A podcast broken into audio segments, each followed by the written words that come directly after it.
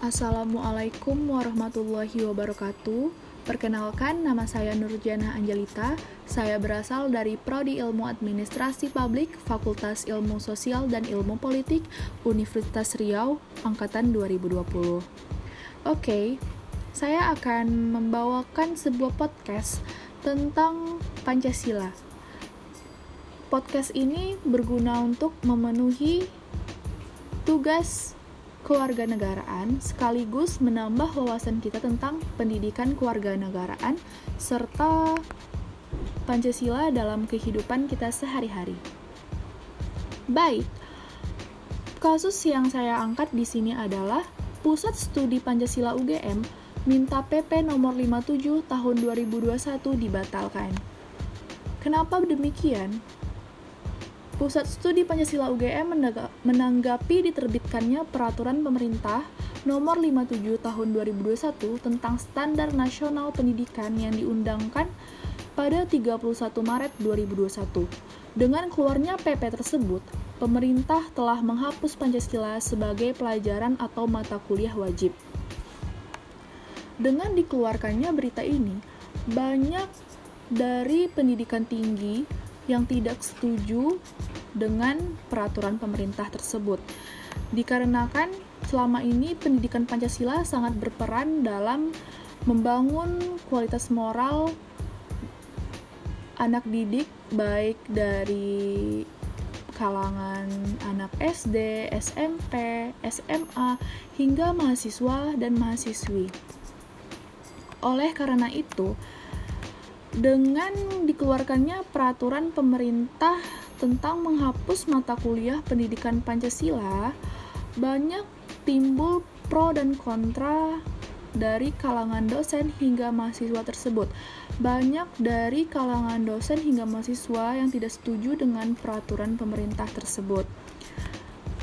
Saya pribadi juga tidak setuju dikarenakan menurut saya pendidikan Pancasila yang diterapkan di pendidikan tinggi sekarang sangat membantu dalam membangun kualitas moral dan perilaku serta sikap mahasiswa yang bisa dibilang sudah memudar. Untuk itu, untuk kita ketahui bahwa pendidikan Pancasila sedari dulu sangat penting adanya dikarenakan membantu menambah wawasan para murid tentang Indonesia. Untuk itu, sangat disayangkan sih jika mata kuliah pendidikan Pancasila dihapus. Hal ini pasti bakal berdampak pada kehidupan semua generasi di masa mendatang. Yang kita ketahui sedari dahulu bahwa Pancasila itu sangat berguna dan Pancasila juga merupakan pedoman hidup bangsa Indonesia. Karena dari sila 1 sampai ke 5 menandakan bahwa Indonesia mempunyai pedoman dan aturan hidup.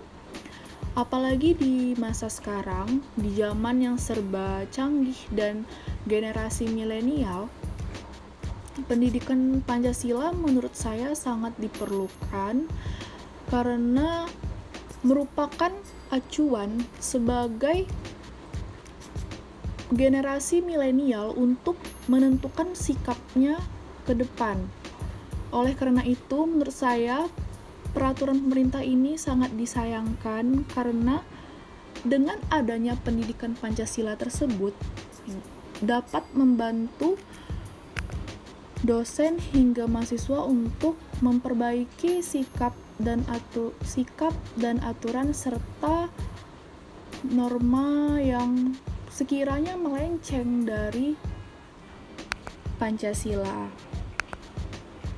bisa kita lihat sekarang bahkan bukan sekarang dari beberapa tahun belakangan kualitas moral anak didik baik dari pelajar SD hingga mahasiswa pun sudah bisa dibilang memudar dan di luar kata toleransi.